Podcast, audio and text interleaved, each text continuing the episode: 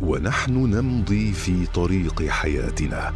نمر على نقاط مهمة قد نغفل عن أهميتها أو تكون خارج نطاق رؤيتنا. نقط عمياء مع إبراهيم العجمي. أهلا بكم مستمعينا الأعزاء في حلقة جديدة من حلقات برنامج نقط عمياء. في نسخته الثانية والذي نتطرق في كل حلقة من حلقاته إلى أمر مهم قد نغفل عنه في مفاصل حياتنا. ويكون خارج نطاق رؤيتنا فنمضي في ممارسته فيشق علينا فعله أو يحرمنا الترك فوائده. في هذه الحلقة مستمعينا الأعزاء يتجه بعضنا متاكدا ومتفائلا نحو أن تخويف الأطفال هو أسلوب تربوي ناجح لكبح جماح الطفل والسيطرة على تمرده ووضع حد للفوضى التي يعيشها وذلك لنجاح مفعول هذا الأسلوب بسرعة وجعل الطفل يترك كل شيء ويهرول نحو حضن أبيه أو أمه. متناسين هؤلاء أنهم بهذا الأسلوب يخلقون كائنا يحمل الخوف والفوبيا أينما ذهب الخوف من الظلام أو من الوحوش الوهمية التي زرعها الآباء في مخيلات أطفالهم وهم صغار. حتى أن بعضهم تتأثر حياته وتقدمه في مراتب الحياة بسبب هذه المخاوف التي لا يمكن أن تتركه إلا بجهد جهيد. قد يأخذ منه طاقته ووقته اللذين كان ينبغي أن يصرفهما في أمور تخدم حياته. كما إن مثل هذه الممارسات غير التربوية قد تصادف أن تجتمع في شخص لديه عوامل وراثية متعلقة بالخوف والقلق والارتباك. فيكون وقع التخويف على الطفل خطيرا ما يجعله مستقبلا عرضة لأن تعتريه الانتكاسات النفسية ولقمة سائغة لأن يعاني من الاعتلالات السلوكية. وغالبا ما تنذر بخطر نفسي وسلوكي كبير على المدى الطويل. وبحسب ما جاء في بحث نشرته جامعة هارفارد عن تأثير الخوف والقلق المزمن في صحة الأطفال وقدرتهم على النمو تبين أن هذا النوع من التنشيط المزمن لنظام الإجهاد في الجسم يعطل كفاءة دوائر الدماغ.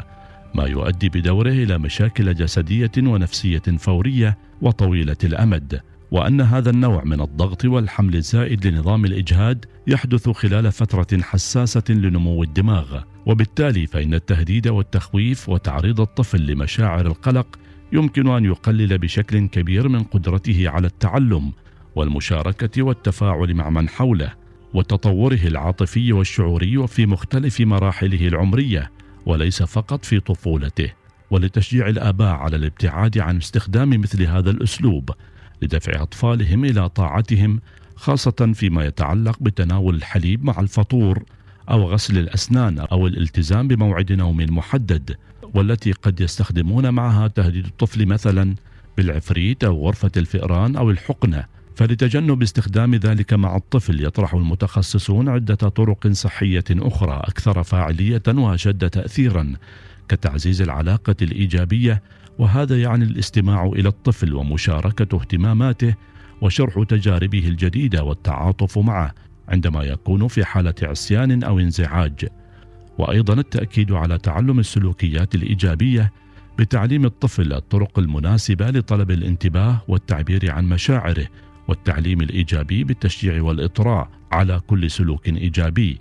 كما ينبغي أيضا للآباء التزام الهدوء عند ارتكاب الأطفال شيئا خاطئا وتجنب الغضب والعصبية كما عليهم أن يستبدلوا أساليب التهديد والعقاب باستخدام العواقب الطبيعية للسلوكيات. كان يكون المنع من اللعب إذا تم كسر اللعبة بشرط الا يطول هذا المنع أو أن من يسكب الحليب على الأرضية يتم اعطائه اسفنجه لتنظيف الأرضية. كما أنه لإبعاد الآباء عن استخدام لغة التهديد والتخويف مع أبنائهم ينصح أهل الاختصاص بتعلم كيفية التحكم بالهدوء في نوبات غضب الطفل وأن يتم إشعاره بأن والده أو والدته لن يبتعدا عنه وأنهما قريبان منه. كما أنه ينبغي تجنب الإفراط في استخدام أساليب العقاب بل أن تكون محددة بنوع واحد ومحدودة بحسب عمر الطفل. وفي كل الحالات يجب أن يلتزم الأبوان الهدوء والواقعية للحفاظ على استجابة الطفل وتعلمه من الخطأ. في هذه الحلقة مستمعينا الأعزاء وجهنا الضوء على نقطة من النقاط التي يغفل عنها البعض أو تكون خارج مجال رؤيتهم وهي أنهم يظنون أن تخويف الأطفال هو أسلوب تربوي ناجح متغافلين عن أن مثل هذا الأسلوب يخلق كائنا يحمل الخوف والفوبيا طوال حياته وأنهم حكموا على حياة طفلهم بالضياع والتيه على أمل أن نلتقي مع نقطة أخرى من نقط عمياء. إلى اللقاء. نقط عمياء مع إبراهيم العجمي. إصحى يا نايم وحد الدايم.